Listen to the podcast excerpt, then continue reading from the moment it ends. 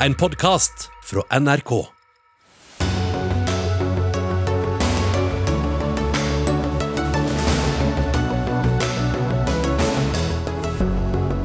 Hvem får ledsage Jonas Gahr Støre på Slottsplassen når den nye regjeringen blir eh, presentert? Mest sannsynlig velkjente fjes, tror eh, kommentatorer. Døden er ikke lenger like absolutt. Kriteriene er endret. Nå frykter leger at de som kan donere organer, ikke selv får all mulig hjelp til gjenoppliving. Miljøpartiet De Grønne har vært for sinte og for spisset. Det mener partiveteran som tar et oppgjør med valgkampstrategien. Og hvor lang tid tar det egentlig å lære seg et fremmedspråk? Lenger enn tre år i hvert fall, sier universitetsprofessor i Kinastudier. Og dette er noen av sakene i Dagsnytt 18, hvor vi også spør om det var andre partier som førte Kristelig Folkeparti under sperregrensa. Jeg heter Sigrid Solund, og først i Dagsnytt 18 skal det handle om fylker, og særlig om storfylket Viken, som omfatter tidligere Buskerud, Østfold og Akershus, og som har flere enn 1,2 millioner innbyggere. Viken må vekk, sier du, eh, og presiserer at dette er et ultimatum. Per Olaf Lundteigen, du sitter på Stortinget for eh, Senterpartiet. De gamle fylkene må være tilbake ved neste fylkestingsvalg, og dette må stå i en regjeringserklæring hvis dere skal skrive under på den, sier du. Bare høre først da, om du snakker du på vegne av hele Senterpartiet her? Ja. Så dette er et ufravikelig krav. Ja. Dere har jo mange saker dere mener er viktige. Hvorfor er akkurat dette så essensielt at dere ikke kommer utenom? Det er en symbolsak på den måten at det her er folkeviljen helt klar. At Viken det har ikke framtida for seg. Og eh, det har vært klar enighet blant de rød-grønne partiene før valget om at Viken skal bli historie. Nå sitter jo din partileder Trygve Slagsvold Vedum og diskuterer med Jonas Gahr Støre akkurat nå, hvis han er kommet fram. Men dere sier altså at en symbolsak er viktigere enn alle mulige andre saker som dere også er opptatt av? Det er en symbolsak på det viktige prinsippet om desentralisering som alternativ til dagens regjering sin sentralisering. Sammenslåing av fylker var en eh, måte for den tidligere regjeringa, eller den dagens regjering, å, sentralisere arbeid, makt og kapital. Vi har tilsvarende på kommuner, vi har tilsvarende på politi. Og Vi er kommet nå i den situasjonen at de var villige til å kjøre så langt at vi nå har vi hatt et valg til Buskerud på Stortinget. Og så ville de samtidig ha Viken på fylkestinget. Altså Vi skulle ikke engang ha samsvar mellom stortingsvalgkretsene og fylkestingskretsene. Sånt kan vi jo ikke føre videre. Arbeiderpartiet er invitert hit, men ville ikke stille til debatt om dette. fordi som de sier, de ønsker ikke å foregripe regjeringsforhandlingene. Du er ikke med i disse forhandlingene, Ove Trellevik. Du sitter på Stortinget for Høyre. Men hva sier du til dette ultimatumet fra, fra Lundteigen og Senterpartiet? Nei, Det overrasker meg at uh, dette skal være det som skal bestemme om Senterpartiet skal være med i regjering eller ikke. Altså dette, uh, De gikk jo til valg på uh, at de skulle støtte og forsterke distriktene, at de skulle hindre fraflyttingen. De skulle ta hele landet i bruk uten at de har fortalt hva de skal bruke landet til. Det var snakk om desentralisering, flytte ut statlige stillinger. Og så ender det altså opp med at de skal ha, ha veto på, på, et ultimatum på Viken. Det, det, det er helt hoderystende. Det er mange velgere som må føle seg forrådt etter et sånt opplegg. Det er vel ikke enten-eller her? De kan vel både tilbakeføre fylkesgrensene og føre den politikken du også skisserer? Jo, men Hvis det er dette som skal være ultimatumet, så syns jeg det nesten er komisk. skulle jeg si. Hadde vi valgt en kanskje en litt viktigere sak for, for, for samfunnet enn en akkurat eh, fylkesgrensene? Hvem bryr seg om fylkesgrensene? Og Det som er viktig her, det er jo at videregående skole fungerer godt, at lær, lærerne er gode og at elevene får vitnemål med seg. Hvis de ser en økende trend nå, at elevene får flere får vitnemål, Eh, samferdsel er viktig. Fylkeskommunale veier må rustes opp, og det må ha sterkere fokus på vedlikehold. Og Her ønsker man altså å bruke pengene på en struktur helt vilkårlig i forhold til folks tjeneste og tjenesteproduksjon. Og Det skal være ultimatumet. Liksom, om man skal godta en regjering eller ikke. Det er nesten morsomt. Ja, Høyre de er jo konsekvente. De ønsker å ta vekk fylkeskommunen.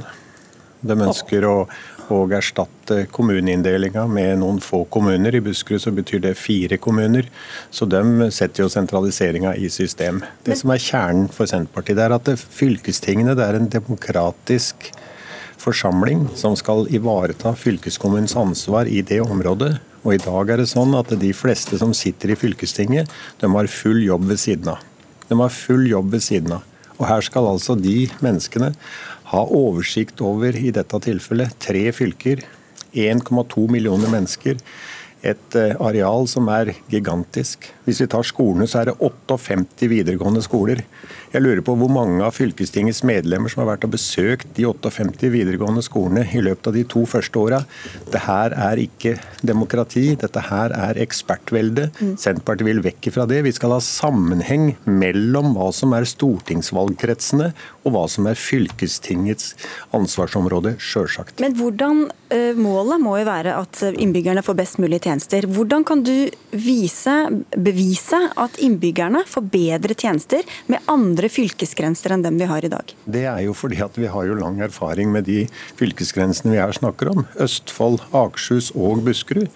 Innbyggerne var jo veldig godt fornøyd med det. Og ja, men Vet du at den er blitt dårligere, da? Vet du at tjenestene er blitt dårligere? Jeg vet det er blitt dårligere. Det er jo alle som, som ser på her. At det er jo administrasjonen som i stadig større grad styrer det. Hvis vi har alle de kommuneplaner f.eks. som i dag blir sendt inn fra kommunene til Viken fylkesting det går jo så fort unna det her sånn. De har så omfattende arbeidsoppgaver at de får ikke gjort en skikkelig jobb. Senterpartiet har gått til valg på tjenester nær folk. og Det innebærer da en organisering av vårt folkestyre som gjør at det kan praktiseres i dagliglivet. Ja, men Hvordan vet du helt sikkert at faktisk tjenesten er blitt dårligere? Jeg veit at det folkestyret blir dårligere. og Det er det som er kjernen i saken her. sånn. Dette her er en ordning som er da heldigvis bare vart i to år. Den kommer bare til å vare i to år til. For ved neste eh, fylkestingsvalg så blir det fylkestingsvalg for Østfold, Akershus og Buskerud. Og det skal du være klar over, programleder, at to tredjedeler av de som blir spurt, de ønsker jo det Senterpartiet her sier. To tredjedeler ønsker det. Det er omkring 22% som står på det som, som Trellevik her sier. Og Det alvorligste er jo det at det hele konstruksjonen Viken er resultatet av en hestehandel mellom to personer, mm. nemlig Harald Tom Nesvik i Fremskrittspartiet og Trond Helleland i Høyre. Nesvik fikk beholde Møre og Romsdal mot at eh, Frp støtta Viken og Helleland. Sånn kan vi ikke ha det. Ingen av dem er her i dag. Men eh, Ove Trellevik, det var jo veldig få som ønska seg dette fylket i utgangspunktet. da. Bare fordi ja. dere fikk det gjennom, så skal de rett og slett bare leve med det uansett? Altså det er slik at uh, Veldig få har behov for fylkene i den forstand. De har behov for tjenestene som fylkene produserer. og Det er svært få innbyggere som er opptatt av fylkenes størrelse. Og Han er veldig opptatt her, uh, Lundteigen, av størrelsen på fylket. Men Nordland er jo vitterlig dobbelt så langt fra Brønnøysund til, til, Narvik. så det er ifra... Litt andre folketall, da. Ja, For all del. Men Oslo er jo en ganske stor by. Når skal Lundteigen foreslå å dele byen opp i to? da?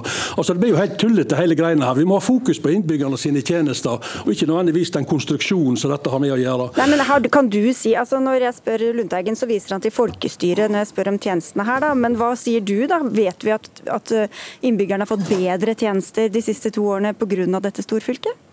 Ja, Vi ser jo det på, eh, på vitnemålene til de som går ut av skolen, at eh, fraværsgrensen virker. og at fylkene får, får fulgt bedre Hva har fraværsgrensen med fylkesgrensen å gjøre? Nei, Ikke nødvendigvis noe det, det å gjøre, men poenget her er at de leverer gode tjenester, sånn som de driver fylkene og driver skolene sine nå. Så får flere elever med seg et vitnemål ut av videregående skole. og Det, var, det er det som må være fokuset. Men det er vel ikke bare i Viken? Ja, Det gjelder jo alle fylkene. Ja, Så hva har det med fylkesgrensen å gjøre? Poenget her er at tjenestene er gode. Og Hvis ikke dette har vært et eh, godt døme på at flere elever får et vitnemål med seg ut av skolen, så er kanskje det viktigste fylkene driver med, ja, hva er da? Så Det må jo være et godt døme på, et godt bevis på at fylkene gjør jobben sin. Ja, ok, Men eh, Lundteigen, en sak er jo å være mot det utgangspunktet, som dere helt tydelig har vært. En annen sak er jo om dette er verdt å gjøre om på. Dette har vært utredet i to og et halvt år, har nå fungert, eh, eller er nå operativt. Å endre grensen igjen vil koste masse penger og ressurser. Hvorfor er det god bruk av skattebetalernes penger å bruke på noe du kaller en symbolsak. Det har ikke vært utreda i to og et halvt år. Det har ikke vært utreda i det hele tatt. Forberedt, da? Forberedt, ja, i noen kretser. Det her ble gjort et vedtak på Stortinget eh, mot, da, da, eh, mot da partiene som, som, nå er i opposisjon. Det var jo Høyre, Fremskrittspartiet, Venstre og Kristelig Folkeparti som gjorde dette her sånn. Det ble bare banka gjennom i en, ja, en sein nattetime. Spørsmålet er om det er verdt Det kommer jo ja, til å koste masse ressurser på mange plan. Det skal jeg fortelle deg. Det som er brukt av penger for å etablere Viken, er 330 millioner kroner.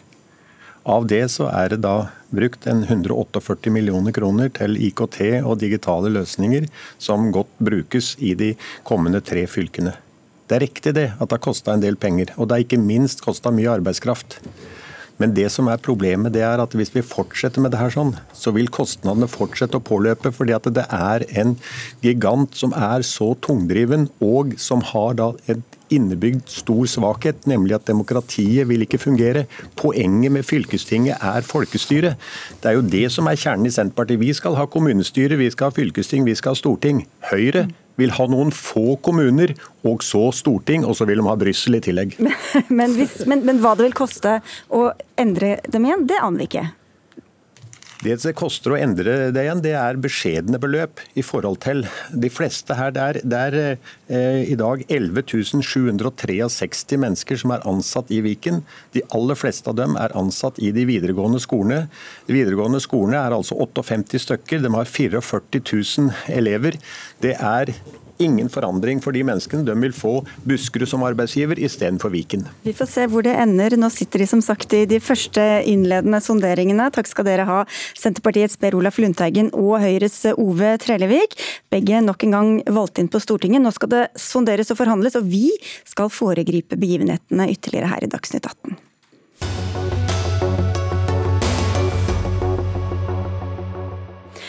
De vil aldri innrømme det, men rundt om i Norge sitter det nå politikere som lurer fryktelig på om de om noen uker kommer til å få en telefon med tilbud om å bli statsråd i en ny regjering.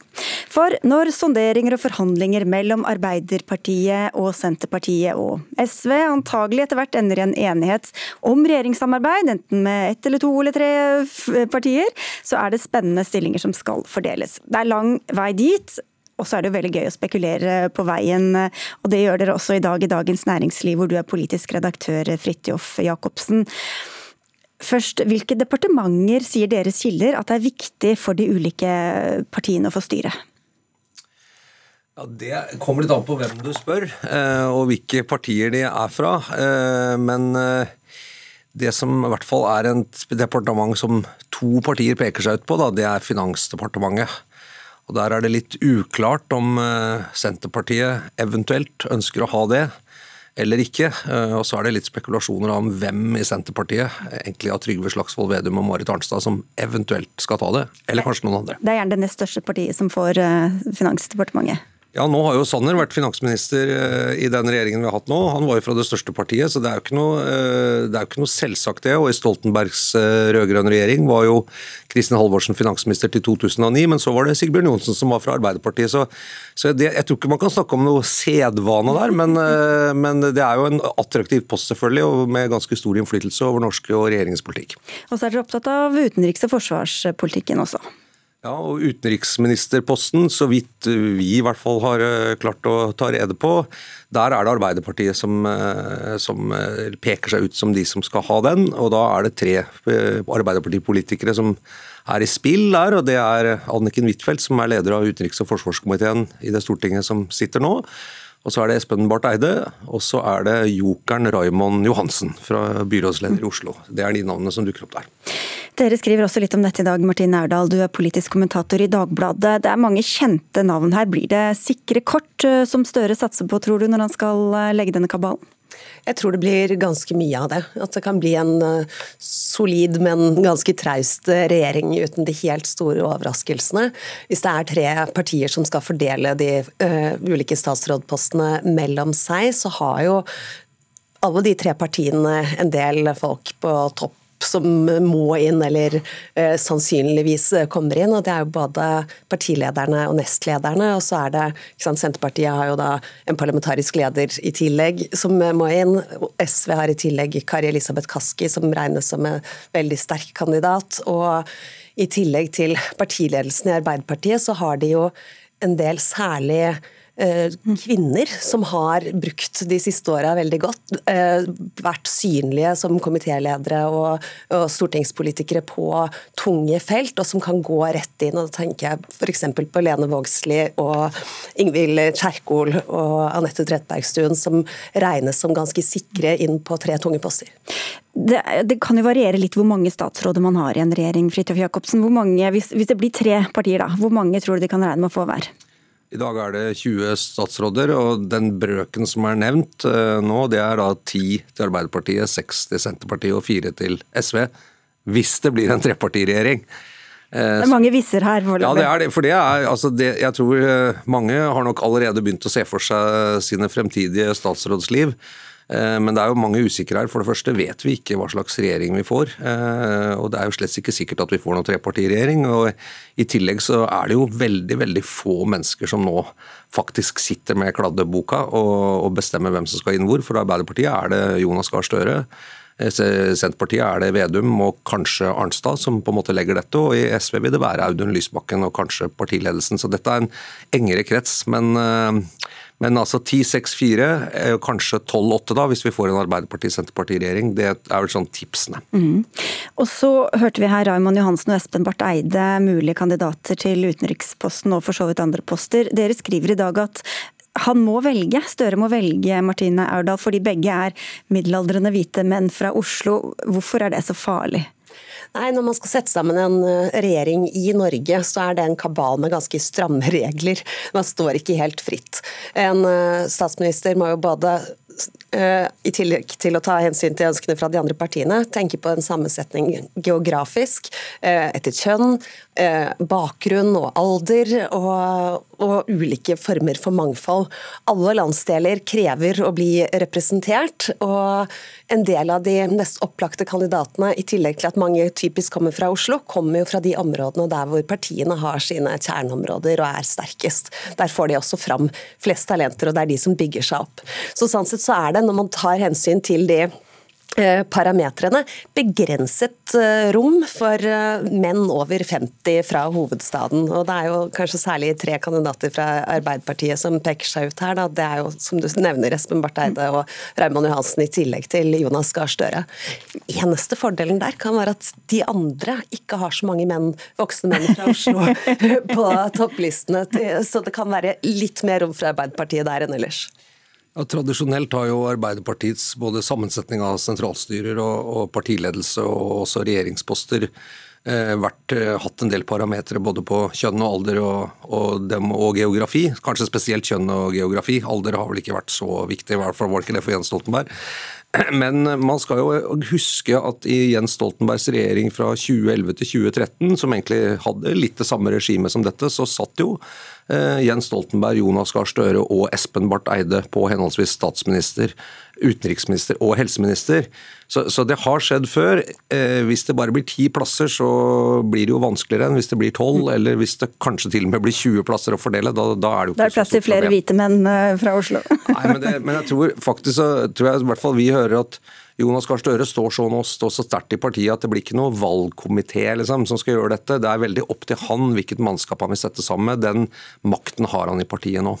Den danske avisa Informasjon har en appell til Støre på forsida i dag, og skriver at eh, hvis den nye regjeringen i Norge ikke klarer et eh, raskt grønt skifte, så klarer ingen det, og at de venter spent på denne klimaplanen. Hvem kan ha tyngde til å lede regjeringas arbeid på denne fronten, tror dere? Nei, Der vil det jo bli en kamp. Eh, som nevnt så er det jo en problemstilling med at rovdyrspolitikken ligger under Klima- og miljødepartementet. sånn at SV og Senterpartiet, dersom den strukturen opprettholdes, vil kjempehardt om den plassen. Derfor kan den også gå til Arbeiderpartiet. Eh, og hvis man også ser på igjen den forrige rød-grønne regjeringen, så satte de jo energipolitikken og klimapolitikken eh, inn under Åslaug Haga. Det kan tenkes at de vil gjøre et lignende grep igjen, eh, og at Arbeiderpartiet da vil gå inn og ta den plassen. I så fall så tror jeg Espen Barth Eide kommer til å få den. Ja, Det er også et spennende. Jeg vet at For SV er det veldig viktig at uh, energi og klima kobles sammen. At man får et slags sånn uh, grønt skiftedepartement, hvis man kan kalle det det. Hvor en del av det som i dag ligger i Olje- og energidepartementet eh, kommer over til en klimaminister. Det er, det, er, viktig for SV nesten uansett hvem som får den posten. Så, så, er det mange som selvfølgelig nevner Espen Barth Eide, ettersom han er energipolitisk talsperson for Arbeiderpartiet. Og, og vel av det, I den mer klimavennlige fløyen der, det så man f.eks. I, i runden om oljeskatt. Eh, men det sies også bak at LO, som jo er selvfølgelig viktig for Arbeiderpartiet, heller vil ha Barth Eide som utenriksminister, fordi de er mindre redd for å ha ham der enn i et offensivt klima- og energidepartement. Så der er det også hensyn som skal spille inn. men men sant, mest av alt den fasen vi er i nå, så er det mange ulike interesser og kandidater som spinner på oss uh, opp og ned og forklarer hvorfor det må bli akkurat dem eller deres folk som får de forskjellige jobbene. Så vi, vi får ta det litt med en klype salt, alle argumentene som vi nå serverer videre, som vi har hørt fra forskjellige folk. Men så er det jo sånn, alle skal jo uh, føre den samme politikken, egentlig. da. De står på det samme fundamentet. Hvor viktig er det hvem som leder de forskjellige departementene? Ja, Det er i hvert fall viktig hvilket parti som gjør det. For selv om man uh, utarbeider en felles regjeringsplattform og som du sier, utad skal si at man fører den samme politikken, så er det tradisjon i Norge for at en statsråd blander seg i mindre grad inn i hva de andre departementene holder på med. Man har eh, sterk mulighet til å påvirke politikken i store og små avgjørelser i hverdagen når man leder et departement. Hvor mange, eh, hvem og hvordan alt dette blir det veldig spennende å se. Det eneste som er sikkert er at det blir ganske mange skuffa folk eh, som sitter og ser på Slottsplassen når den tid kommer at folk står der med favnen full av eh, blomster. Takk skal dere ha, begge to. Martine Aurdal fra Dagbladet og Fridtjof Jacobsen fra Dagens Næringsliv.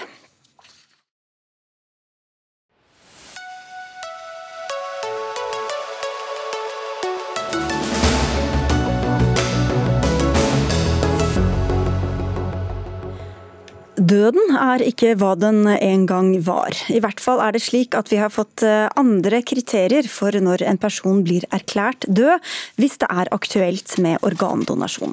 Det har fått noen til å frykte at erklæringen kommer før alle mulige forsøk på gjenoppliving er blitt satt i gang. Siden denne endringen ble innført i slutten av august, har flere enn 200 personer valgt å slette donorkortet sitt.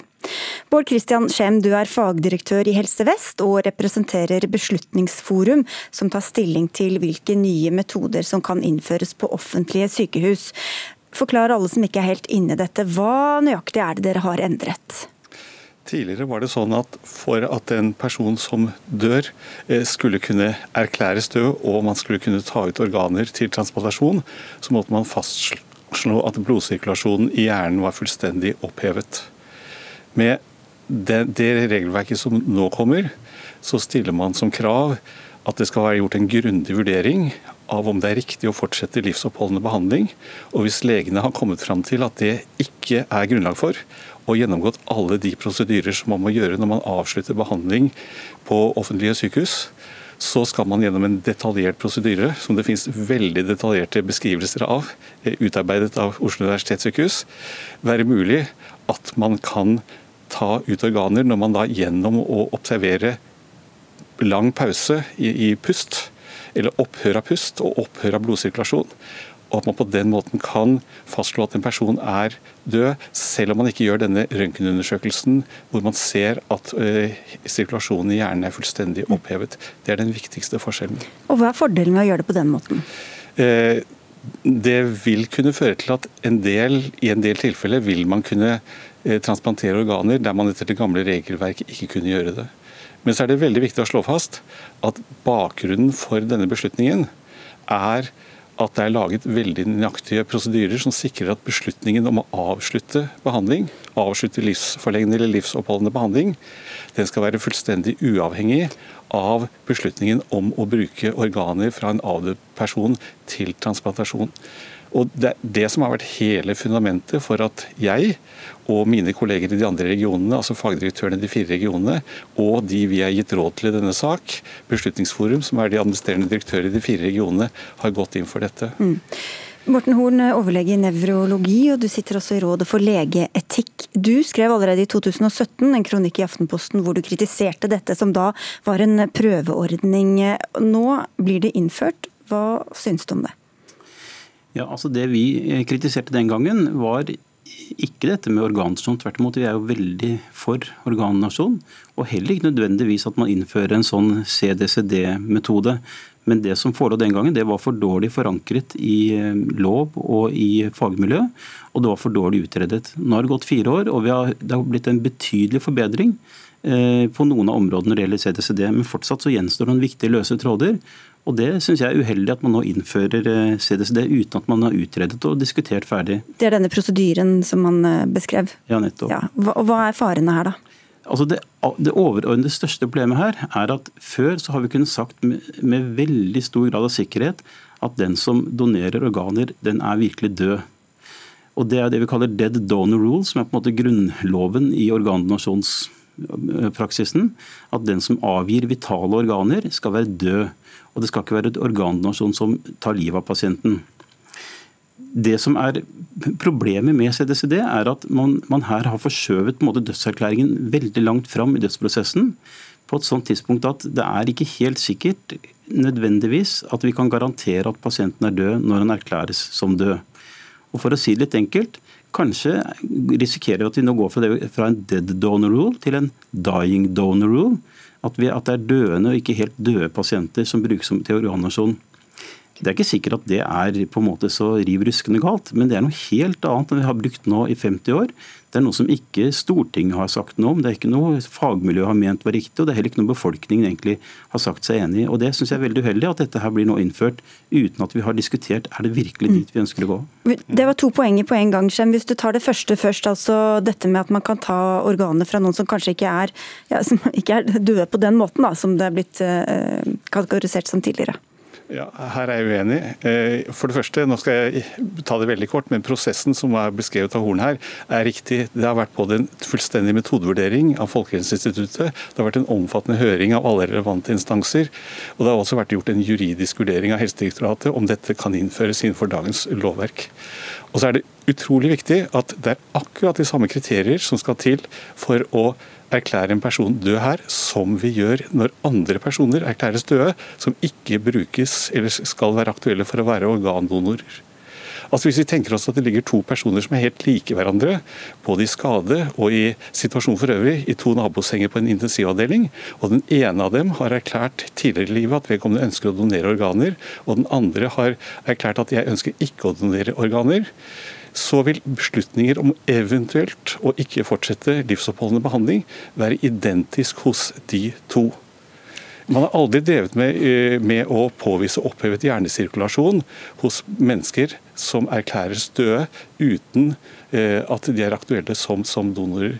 Jeg, jeg, jeg, er egentlig veldig lite bekymret for at ikke de prosedyrene man har på intensivavdelinger for denne type vurderinger skal være grundige nok. og jeg tror at Er det noe sted i helsevesenet hvor dette gjøres grundig, så vil det være i de situasjonene her. Nettopp fordi at man vet at man beveger seg inn i et etisk vanskelig område. Mm, det er akkurat det som er poenget. at når det gjelder, når, når det, det, det er denne faktoren at pasientens organer skal gis til en annen pasient. Da har vi vært så opptatt av at det ikke skulle herske noen som helst tvil om at den som faktisk avga organer, var død. Mm. Og Derfor har vi hatt mye strengere kriterier for dødsdiagnostikk ved organdonasjon enn ved vanlig dødserklæring. Og Det er det som nå blir endret, og det er problematisk. Eh, og det er vanskelig å, å, komme inn på dette uten å gå veldig ned på detaljer. Det har vi kanskje ikke tid til her. Det er vanskelig, men det, er, det, er en, det handler bl.a. om at f.eks. så skal vi nå vente i fem minutter før vi erklærer pasienten død, uten sirkulasjon, uten, uten åndedrett. Det er ikke, Vi vet i dag at hjernen er ikke nødvendigvis ødelagt etter fem minutters sirkulasjonsstans. Eh, det står i protokollen som du nevner, Skjem, at eh, pasienten kan få eh, lindrende behandling med sovemedisiner og smertestillende medikamenter Eh, før, pasienten dør. Og Det er noe som gjør det vanskelig å si er dette virkelig en pasient som ikke puster sjøl og er i dypt koma, fordi at dette, det kan bidra til å, å, maskere at pasienten kan puste. Ok, Få en kommentar på det, Skjem. Ja, altså Nå blir dette veldig teknisk. Det, det er ikke helt, så teknisk vi følger med, tror jeg. Ja, eh, Det som er helt grunnlaget her, det er jo kvaliteten på den beslutning som er gjort når man har bestemt seg for å trekke tilbake den livsoppholdende behandling, som i praksis vanligvis vil si at man kobler fra respirator, og at man slutter med f.eks. medikamenter og andre tiltak for å holde sirkulasjonen i gang. Og da, Når man da starter denne femminuttersperioden, så har man gjort en beslutning, ofte med involvering av pårørende og andre, at dette er det ikke riktig å fortsette behandling av. Jeg har veldig liten tro jeg har, jeg har selv vært i tvil da denne prosessen startet, og har vel egentlig blitt overbevist om at det uhyre detaljerte regelverket som er laget av Oslo universitetssykehus, sikrer dette på en god måte. Ok, men du bare, for å, Vi må avslutte straks, men eh, jeg nevnte at 221 personer har slettet donorkortet sitt etter at dette, denne endringen trådte i kraft. Mm. Hvor, de som har sagt at de er organdonorer, hvor, hvor mange av dem tror du egentlig vet hva de har gått med på av endringer nå? Det er vanskelig å si. Hele prosessen har vært fullstendig åpen. Eh? Eh, høringene har vært bred. Men, men, det er klart, om alle er kjent med det, og hvor godt kjent dette er i samfunnet, det er ikke jeg kjent med. En veldig vesentlig sak for oss er at vi mener jo at når vi gjennom regelverket bruker store ressurser på og har detaljerte regler for å ivareta potensielle vel å merke potensielle donorers interesser, så er det det beste vi kan gjøre også for å ivareta interessene for de med donorkort. Og nå sa jeg at noen har sagt nei, Morten Horn, men hvis dette fører til flere organdonasjoner, så er det kanskje verdt det? Altså Det som ikke er verdt det, er å ofre dette her det viktige prinsippet om at donor skal være død. Det er grunnlag for at folk har tillit til oss.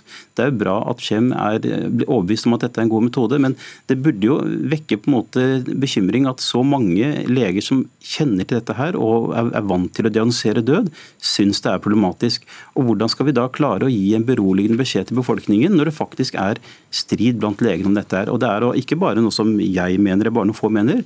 En av de største eh, legeforeningene i USA har nettopp gått ut ut og advart mot å innføre den metoden som Beslutningsforum nå har innført i Norge, og det syns jeg er et paradoks.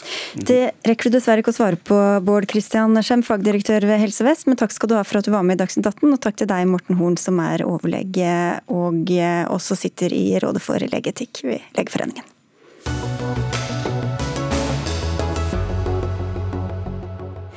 Var det partiene Sentrum og de kristne som bidro til at eh, Kristelig Folkeparti havnet under sperregrensa? Det skal vi diskutere mot slutten av sendinga, men nå skal vi granske et annet parti. De levde lenge håpet ut ved valgnatta om at Miljøpartiet De Grønne endelig skulle klare å komme over sperregrensa, men partiet landet til slutt like under, selv om klimapolitikk var helt sentralt i valgkampen. Og med skuffelsen følger selvransakelsen, og du målbærer noe av den i Klassekampen i dag, Jan Bojer Vindheim. Du har representert MDG i både kommunestyret i Trondheim og i fylkesting, og har hatt verv i partiet siden 1991. Hva mener du at MDG har gjort feil de siste ukene og månedene? Ja, la meg først si som politiker så må jeg jo si hva jeg, hva jeg først skal si. ja, det er, Ellers hadde du ikke vært en ekte politiker, selvfølgelig. Ja, har tredobla stortingsgruppa. Likevel så er jo både jeg og mange partimedlemmer og kommentatorer enige om at dette er et uh, dette, var en, dette var en flause, en fadese. Nå har vi opplevd før at um, meningsmålingene har gitt oss veldig gode tall, men som ikke har holdt helt inn til um, valglokalene.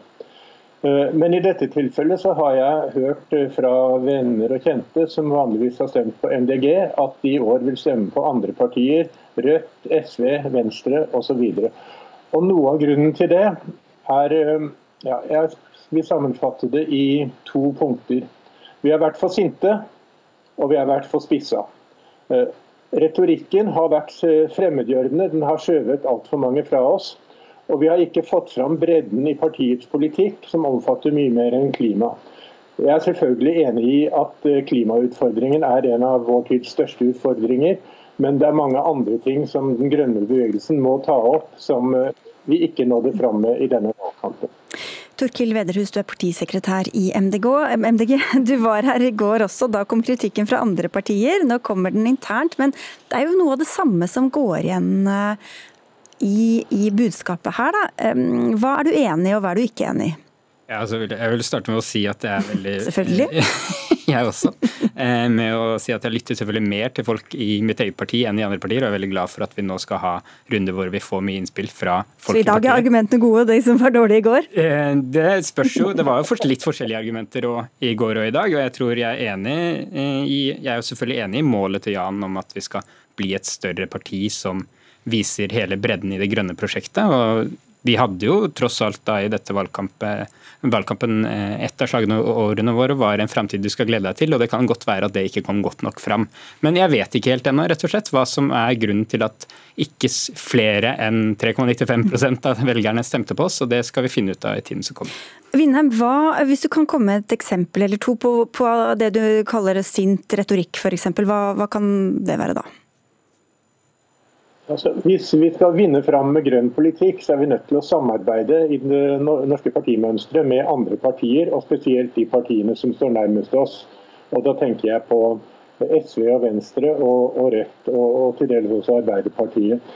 Men når vi da eh, går ut og karakteriserer disse som svikere, så eh, inviterer vi ikke til en inkluderende samtale om felles prosjekt.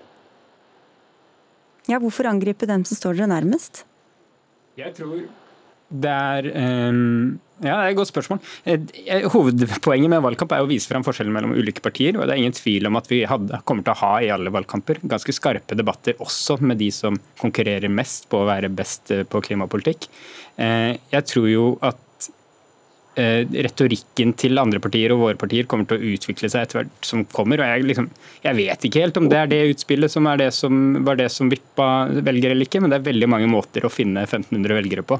Så det kan godt være at det også er noe vi skal se på. Så, samtidig Winheim, så er det vel da det som var, lå bak, var vel da som, som, det blir sagt her, at uh, her er det noen som har ganske lik uh, klimapolitikk, og da må man synliggjøre forskjellene, sånn at man skal stemme på MDG da i dette tilfellet, og ikke de andre partiene som ligger rett ved på dette, klima, på dette politikkområdet. Ja, nå er du jo inne på det her berømte eller beryktede ultimatumet om at vi ikke kan støtte en regjering som ikke vil stoppe all oljeleting eh, klokka 24.00 i kveld. Jeg skjønner godt det utspillet, eh, men jeg tenker at eh, vi ikke skal konkurrere med de andre partiene bare om best klimapolitikk. Vi skal konkurrere med de andre partiene om best skolepolitikk, best ruspolitikk, best distriktspolitikk, best landbrukspolitikk. Og det er det vi ikke har gjort. Eh, altså, vi har hatt tusenvis av mennesker som har jobba ræva av seg i valgkampen. Vi hadde fortjent at vi fikk et bedre resultat. Og vi må tenke over hvorfor vi ikke fikk de 1500 stemmene som vi mangla på å bikke 4 Altså, det, det er jeg helt enig med Jan i, at vi skal nok få fram den resten av den grønne politiske prosjektet bedre framover. Og jeg vil si at Målet vårt er jo selvfølgelig ikke bare å få 1500 stemmer mer, vi skal jo doble oss. eller altså Målet i denne valgkampen var 7% og det skal vi også evaluere ut ifra. Eh, fordi det er klart at i denne valgkampen så ble det veldig mye klimapolitikk. Det gjorde at alle partiene snakka om klimapolitikk, og det var mange som nå lova å levere klimapolitikk. og Det tror jeg nok eh, gjorde at eh, en, eller at vi fikk flytta det politiske vinduet også i denne valgkampen. Ja, så sånn sett så har dere fått gjennomslag på en måte ut fra din analyse her, da?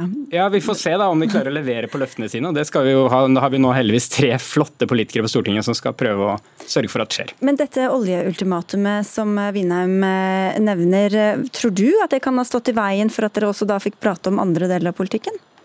For vår del så var nok eh, dette ultimatumet mest av alt en ærlig sak om hvor vår røde linje går. I programmet så har vi mer radikal politikk på at vi mener at vi må fase ut olje, ut olja innen 2035 og fase inn de nye grønne jobbene i samme periode.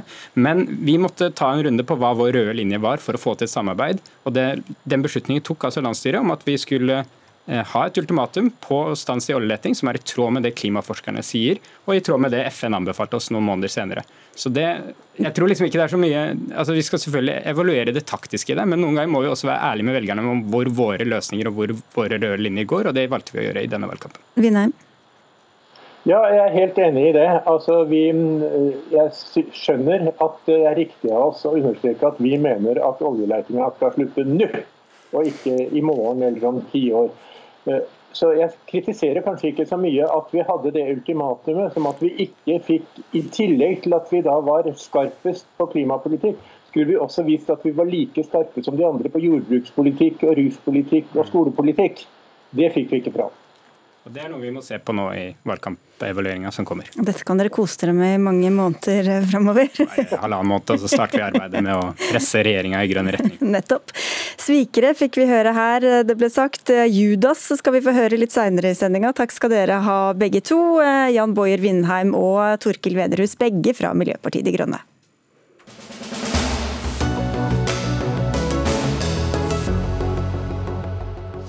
Hvor mye husker du av fremmedspråket du brukte tre år på å lære deg på ungdomsskolen? Kanskje ikke så veldig mye.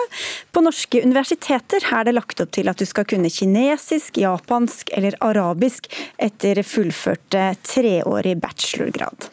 Og Det mener du rett og slett ikke er tid nok til å lære seg disse språkene ordentlig. Heidi Østbø Haugen, du er professor i kinastudier ved Universitetet i Oslo, og dere ønsker dere et fjerde år. Hvorfor er det så viktig? Det er fordi det tar lengre tid å lære kinesisk enn å lære de språkene du nettopp nevnte. Eh, State Department sier at det tar 24 uker å lære seg norsk hvis man er amerikaner. Da skal man jobbe ganske fort. Og det tar 88 uker å lære seg kinesisk på et tilsvarende nivå, altså sånn at man er profesjonell. Og da har vi egentlig blitt enige om at vi trenger ett år til på bacheloren for å få folk på et høyt nok nivå, sånn at eh, vi kan ivareta Norges strategiske og økonomiske interesser. Ja, For dette er ikke ment til feriebruk? Den språkopplæringen? Nei, det er kjempefint med duolingo og alle sånne ting som er til feriebruk. Men vi utdanner jo folk som skal jobbe med HR på, i norske bedrifter i Kina, eller journalister, eller eh, folk som skal jobbe i sikkerhetstjenesten. Så, og alle disse her må snakke kinesisk på et nivå som er helt annerledes. Og så pekte du på han som vi snart skal høre fra, som er nemlig ansvarlig i regjeringa for dette, eh, og sa at dere er blitt enige om et fjerde år. Hva er, hva er problemet da? Ja, Det må jo finansieres. Det er veldig kort problemet. og det, eh, Vant til politikere altså, vi, her, de sier svarer aldri så kort. Seg, det, det er et kjempestort land, eh, mm. men vi er fem personer som er fast ansatt, og to i tillegg som jobber med språkundervisning. Og hvis vi i tillegg til å ha eh, treårig bachelor og toårig, eh, toårig master og ph.d. skal undervise folk i ett år til, så må vi rett og slett ha en person til, og det må noen betale for. Mm. Og det er deg det, forsknings- og høyere utdanningsminister Henrik Asheim, eller? Ja, det er jo for så vidt det. og Det mener jeg at vi betaler for bl.a. ved å til Universitetet i Oslo da, overføre 6,1 milliarder kroner fra staten dette året. Det er jo ikke slik at vi finansierer studieplass for studieplass på den måten. Man får en rammefinansiering på en måte. Men bare for å begynne der, Vi er jo altså helt enige om at eh, det kan være behov for en fireårig bachelor på disse språkene. Det betyr at du også får 240 studiepoeng istedenfor 180. Altså Det blir på en måte en annen, et litt annen bachelor enn det vi er vant til. Det betyr jo da også at man får jo finansiering da både for studiepoengproduksjonen, man får eh, kandidatuttelling hvis man får inn mange som fullfører og består den type ting. Eh, og så mener jeg innenfor de rammene som universitetene og høyskolene har, altså til sammen hele landet, over 40 milliarder i året, så bør man kunne finne penger til å finansiere dette siste året oppå alle de andre uttellingene man får. Ja, så Det er ikke egentlig ASM, det er din egen rektor da du burde sitte og diskutere med? Altså for andre utdanninger som er dyrere, Det er klart det blir dyrere med fire år enn det er eh, med tre år. Og for andre utdanninger som er dyrere, så får man jo bedre uttelling. I, i form av finansiering. Altså Det går inn i grunnbevilgningen, som du snakket om. Og eh, HF-studiene er små, eh, og de er billige. Og skal man legge på et fjerde år, så må man betale for det. Men altså, det er helt riktig at eh, det er jo ulike finansieringskategorier som det heter på de ulike utdanningene. og Dette er jo da typisk en kategori F, hvis man skal Jeg noterer kategori F. Det betyr i realiteten egentlig at det er studier som ikke krever mye som laboratorie, den type eh, kostnader. da, ikke sant? Eh, halvparten av legestudiet, f.eks. Ja, for Medisin er kategori A, det er de dyreste studieplassene vi har. Men så er det slik at hvis man da ser på de 45 plassene, hvis man ønsker det i tillegg med den kategori F-finansieringen, så er det 3 millioner kroner. Universitetet i Oslo har i avsetninger bare på det som ikke skal gå til investering investeringer, men til annen drift over 80 millioner kroner på konto. Så jeg mener bare at hvis man mener at det faglig sett bør være et fjerde år, som vi åpner for og sier det er greit, dere får også finansiering for studiepoengene som produseres da, så bør man kanskje som universitet med over 6 milliarder i budsjett hvert år finne de 3 millioner kronene det koster å, å men, men, det er veldig lett. Hvorfor skal dere si ja eller nei til noen ting hvis det uansett ikke følger penger med? Ja, det følger, altså, det følger enormt ikke ekstra penger, da? Nei, men dette er litt av poenget. Vi har en forskrift som heter gradsforskriften. Der sier vi nå at vi kan justere på den, slik at dere kan tilby fireårig bachelor. Ja, og så sier vi at dere får finansiering til uttellingen, men dere må finne pengene selv innenfor det svære budsjettet dere har på å liksom, finansiere det første året. da. Ja. Så ta, deg, ta inn over deg hva han sa. Jeg tar det, tar det innover meg. Eh, men eh, eh, nå har vi hatt fem år på oss til å finne de pengene, og det har ikke skjedd. Og jeg syns det er ganske sjokkerende at vi ikke har fått på plass en utdanning som er god nok, som gir oss studenter som snakker godt nok kinesisk etter fire år. Uansett om altså du kan, Jeg rektor sitter ikke her, og jeg kan ikke svare for han. Eh, og, og du og rektor kan sikkert sitte og, og skyve skylden over på hverandre, men det har altså gått fem år. Og i løpet av den tiden så har vi ikke klart å få stablet på beina et forsvarlig språkopplegg i kinesisk. Og det er alvorlig for Norge, ikke bare for Universitetet i Oslo. Det blir ikke noen gode spioner av dette her, Henrik Asheim? nei, nei, det er sikkert ikke det heller. Men... og vi skal jo utdanne journalister og kuratorer og oversettere og masse andre. Vi er ikke noen ja. spionskole. nei, nei, nei, og jeg er veldig veldig for å få dette opp. og Vi kommer til og med til å sende et brev for å presisere at det er fullt mulig nå å søke om dette fjerde året hvis det har vært uklart. Men det man diskuterer nå er egentlig de tre millioner kronene oppå de 6,1 milliardene. Eh, og jeg mener bare sånn at dette bør man kunne klare å finne de pengene til, og så skal vi i uttelling få alt av studiepoeng og kandidater. Fordi Hvis man da legger ned en linje f.eks., så får man vel ikke mindre penger av den grunn eller et studium? Eller hvordan det fungerer ja, altså Jeg kan jo ikke legge ned mine Nei. kollegers linjer. så, så, det ja. Nei, men Det er ikke sånn eh, som, som Henrik Asheim sier, det er ikke liksom én krone for det og én krone for det. Det er, det er, en stor pott. Så hvis man vil ha mer penger eh, når man oppretter en linje til eller en, et år til, så, så må man jo automatisk også da be om mindre penger hvis man kutter noen ting, da. Ja, altså Alle disse tingene her kan godt hende, men jeg ser jo dette fra et froskeperspektiv. Jeg ser på de studentene som vi utdanner, at de trenger et år til til å bli gode nok. Og at det året, uansett hvem som har, har ansvaret, har ikke kommet på plass, og det er alvorlig. Og det er jo bare sånn det er, Asheim. Så når dere sier at dere vil satse på fag, og så ser dere at det ikke blir satset på fag, hva gjør dere da? Nei, altså Hvis man da ser på de fagene som er veldig små, som f.eks. alle legger ned, da, du har dem ikke lenger, så har vi jo laget en mekanisme nå i den styringsmeldingen som vi fikk vedtatt før sommeren, som sier at dette direktoratet, høyere utdanningsdirektoratet, da kan si noen må tilby dette, det er et lite viktig fag, men noen må tilby det utlyser de pengene, og så får institusjonene melde hvem som kan gjøre det. For det er noen som er truet rett og slett fordi det er få søkere eller veldig kostbart å drive. Så da gjør man det på den måten. Men det man har her er jo egentlig et ganske populært studie. Det er jo mange som søker seg til dette. og Så ønsker man da å få på plass det fjerde året. Og da mener jeg bare at innenfor de store rammene man har, fordi vanligvis så sier den sektoren til meg ikke overstyr, ikke fortell hva vi skal gjøre. Gi oss frie midler, så skal vi prioritere det som samfunnet trenger fremover. Vel, OK, nå har dere midlene, da kan dere prioritere det. Men sektoren har sagt og har spilt spilt inn til dere gang på gang at de trenger midlene til akkurat dette formålet. For det ligger ingen penger som jeg i hvert fall kan få fatt i til å ansette den ene personen vi trenger for å få et forsvarlig tilbud i kinesisk. Nei, da kan jo, altså Det blir kanskje ikke meg, da, men noen i så fall sitte og veldig Det er mye som peker i en annen retning, i hvert fall. Ja, men ingenting er sikkert. Nei, ingenting er sikkert, men, men, så kan vi sikkert endre på det og begynne å detaljstyre mye mer, men det tror jeg også vil være dumt. Jeg syns det er synd hvis ikke Universitetet i Oslo prioriterer de pengene, for det er ikke så mye penger det er snakk om på det store budsjettet man har. Eh, og så skal vi som sagt endre reglene slik at det er fullt mulig å tilby det, og vi skal gi dere både kandidatuttelling og studiepoenguttelling. Vi får se da når det kommer en ny statsråd på plass, om eh, dere har mer eh, hell med dere der. Takk skal dere ha begge to. Eh, foreløpig forsknings- og høyere utdanningsminister Henrik Asheim og Heidi Østbø Haugen, professor i kinastudier ved Universitetet i Oslo.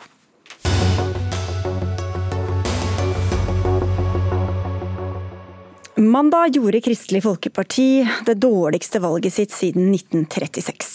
Det har falt mange kristne velgere tungt for brystet. Så tungt at noen kaller dem som har forlatt KrF for Judas-kameratene.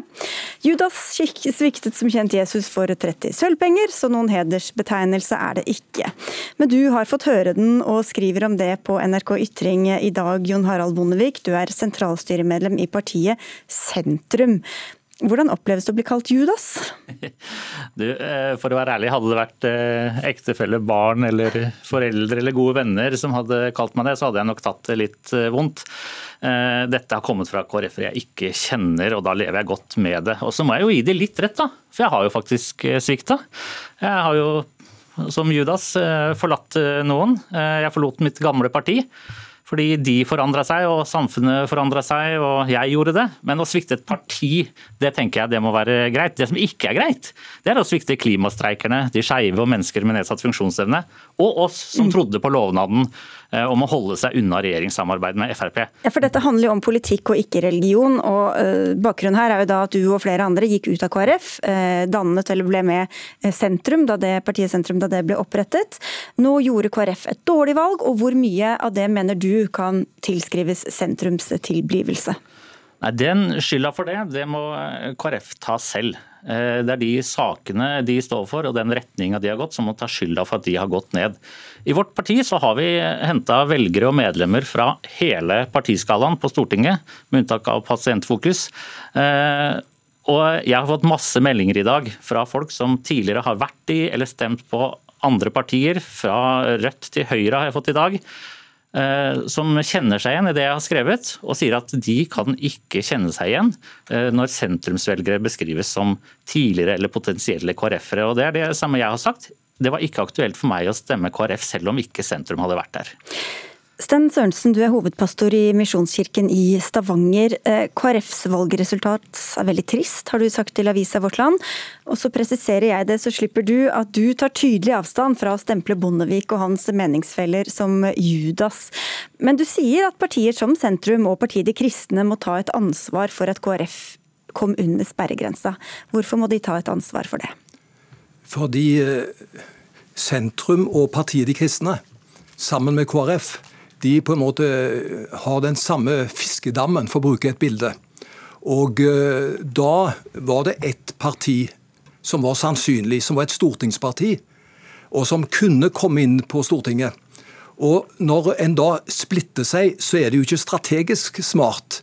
Det var ett parti som, kunne, som var i en faresituasjon med å komme under eller over sperregrensen. Og hvis en hadde stått sammen om dette, så kunne KrF med de verdiene som jeg tror både sentrum og, og, de kristne vil stå for mange av de eh, verdiene, kunne en da få inn i en større gruppe på Stortinget.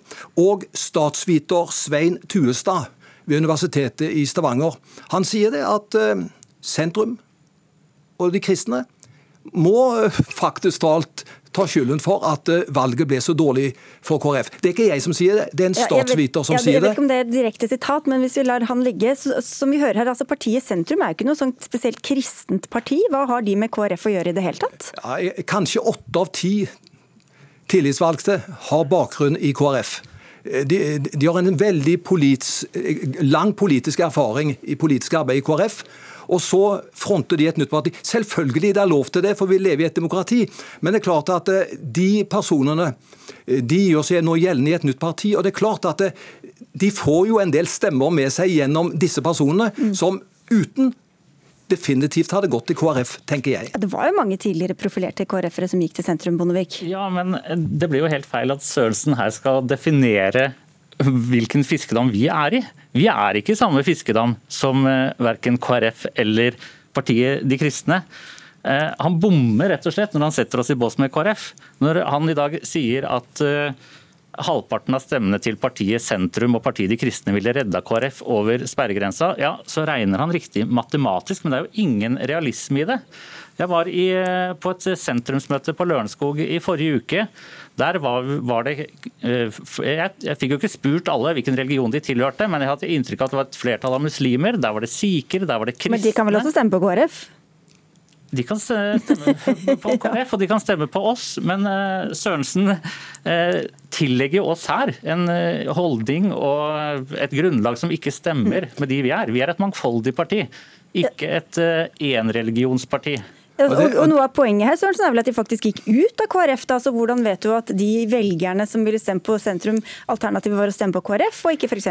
på SV eller Arbeiderpartiet eller Høyre eller andre for den saks skyld? Altså, altså, Jeg vil jo utvide dette her, for jeg fikk et spørsmål fra Vårt Land hvor disse to partiene har betydd for KrF i, i, valget og resultatet. Da nevnte jeg at, at de er så nære og, og, og, til personer. Norge er et lite land. Vi kjenner listetopper, vi kjenner disse her, og det er klart de har tatt med seg noen som uten disse partiene hadde stemt på KrF. Det er overbevist om. Men eh, dette er jo mye bredere. Det har vært en større lekkasje gjennom årene fra KrF til andre partier, f.eks. Senterpartiet, Arbeiderpartiet og Høyre. Så det er klart at det har skjedd noe over lengre tid. Og det må jo selvfølgelig KrF ta opp og gjøre noe med når de, når de nå skal komme til strategi og evaluering etter valget. Ja, fordi Det har jo falt egentlig jevnt og trutt i over 20 år. Berit Aalborg, du er politisk redaktør i eh, Vårt Land. Hvor mye av dette mener du kan tilskrives partiet De kristne og partiet Sentrum? Jeg tror ikke at det er så veldig relevant å peke på. og for å si det sånn, Den som har vært, vært mest i KrFs fiskedam, er definitivt Senterpartiet. Så liksom Mer enn halvparten av de stemmene som de hadde trengt for å komme over, de har gått i Senterpartiet. Og hvis du ser på, Det er jo ikke noe særlig overganger, f.eks. PDK. da, det er ikke noe særlig Partiet De Kristne. Partiet de Kristne. Det er ikke noe særlig overganger mellom KrF og Partiet De Kristne. Tvert imot så er de fleste ville nok hatt Fremskrittspartiet eller Demokratene som andre valg. Og veldig mange av de som har gått i sentrum, de forsvant jo ut da i sidevalgstriden. Og de har rød-grønne partier som andrevalgs... Sidevalgstriden, det var da KrF skulle velge side, ja. Bra du presiserer det. Da KrF valgte mellom høyre- og venstresida. Så, så det å si at det er disse to partiene nødvendigvis som er skyld i at ikke KrF kom over, det tror jeg blir altfor enkelt. Eh, det er rett og slett andre partier som nesten ligger KrF nærmere, som f.eks. Senterpartiet på en del ting. Og, og, og det, ja, det er jeg enig i. Så, så bildet er jo mye bredere. Jeg fikk bare det spørsmålet eh, av en avis, men det er bredere enn dette. Og det må de se på. Men, men det er klart at uh, 0,7 fikk de to partiene vi nevner nå ved valget. Og KrF trengte 0,2% Og da er jeg overbevist om det ligger noe her men, som KrF jeg, mista, som kunne gått til de hvis det hadde vært andre forhold. Kan jeg få si en ting til? Jeg tror det Grunnen til at jeg tenker at analysen er for enkel, det blir det samme som å si at KrFs velgere burde stemme Sylvi Listhaug fordi hun bruker et kors. Altså det, det at man er kristen betyr ikke nødvendigvis at man tilhører et sted politisk. Det fins lekkasjer. Og KrF har f.eks. også hatt lekkasjer til Rødt i løpet av året. Det er det veldig få som, som, tror. da. Eh, sånn at det er, Kristne beveger seg over veldig mange partier, og det at man har kristen i navnet, sånn som PDK, altså Partiet De kristne og KrF, betyr ikke at de ligger likt, eller at de fisker egentlig i den samme dammen, da, for å si det sånn. Men sentrum, dere fikk hvor mye var det, 7000 stemmer eller noe sånt nå? 7800. 7800 med FMA, ja. Eh, KrF kom altså rett under sperregrensa. Hvis du kunne velge da, at dere hadde fått noen færre stemmer og KrF hadde kommet over, hva hadde du syntes var best? Altså, altså, hvorfor, hvorfor, skal vi reddes, og hvorfor skal vi kobles til KrF? Vi har da vel så mye tilknytning til andre partier. Eh, ville heller tatt eh, MDG, som mangla var det 1500 stemmer. Eh, da hadde vi hatt noen som virkelig sto på for klima, som er en viktig sak for oss, der hvor KrF har eh, svikta. Ehm, så jeg syns det er rart at du hele tiden skal koble oss til eh, KrF. Hva med stemmene som har gått fra KrF til de andre partiene, som Berit Aalborg her snakker om? Ja, jeg spiller den videre til deg. Sørensen, hvorfor skal andre i det hele tatt føle noe ansvar eller eh, skyldfølelse overfor hvordan det går med KrF? Nei, altså, De, de trenger ikke ha noe skyldfølelse. Det å misforstå. Jeg bare prøvde på en analyse som jeg tenkte at eh, her finnes det stemmer som hadde gått til KrF hvis ikke de partiene hadde funnes. Men, men det vet du ikke. Nei, men det, det, er bare en sånn hypotese som jeg har.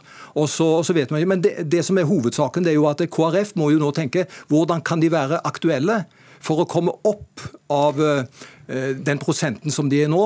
Og vi er jo parti som tror på sterke ting, både eh, oppstandelse. ikke sant? Så, men det må, det må lut til, det må sterke ting til. og Da tror jeg at eh, KrF kan komme tilbake, for de har en fantastisk god politikk.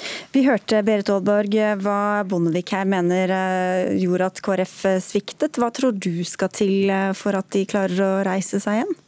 Nei, altså Det er jo veldig mange som har sett på hvor disse velgerne som forsvant etter sidevalget, altså da de valgte regjeringssamarbeid, og, og, og, det er klart at mye, Mange av de velgerne forsvant da til, til venstresida, og de har nok ikke greid å holde altså Disse er de lettest, de velgerne som det burde vært lettest å få tilbake, og det har de ikke klart. Og De har nok blitt også litt for smale rent politisk. Vi vet at de har fridd veldig til en del kristenledere, og så har de da ikke gjort noen forsøk på å hanke inn disse, disse på en måte som, som er på venstresida som forsvant. Så jeg tror nok det er der de måtte begynt hvis de så greide å komme seg over, og det har de ikke brukt veldig mye krefter på. De har blitt veldig gode på akkurat disse eh, kristne menighetene på Sør- og Vestlandet, og så har de glemt de velgerne som de egentlig måtte få tak i for å komme over. Og som var vel i hvert fall noen av dem dere også appellerte til. Eh, hvorfor tror du ikke at dere fikk flere stemmer, eh, Bondevik?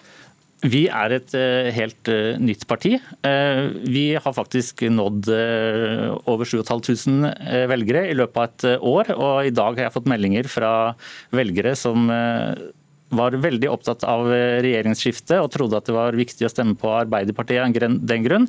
Eh, jeg mener at de burde stemt på oss for å trekke regjeringa mer mot sentrum. Men jeg har også lyst til å kommentere noe av det som Sørensen sier her. Det må være veldig kort, for det nærmer oss slutten, men du kan gjøre et forsøk. ja, for I januar så var han ute i avisa og sa at vi ikke skulle at menigheter burde holde seg unna partipolitikk. og Nå sitter han og sier at vi er et parti som står på Og så nevner han liksom helt religiøse ting. Det hører ikke sammen å blande sammen menighet og politikk på den måten han gjør. Og det gjør ikke vi i Partisentrum heller. Vi er et mangfoldig og Greit. Dere, vi må dessverre avslutte. Du får ringe og svare på det etterpå. Takk skal dere ha. Gro Arneberg, Finn Lie og jeg, Sigrid Solund, takker for følget og ønsker en fin kveld.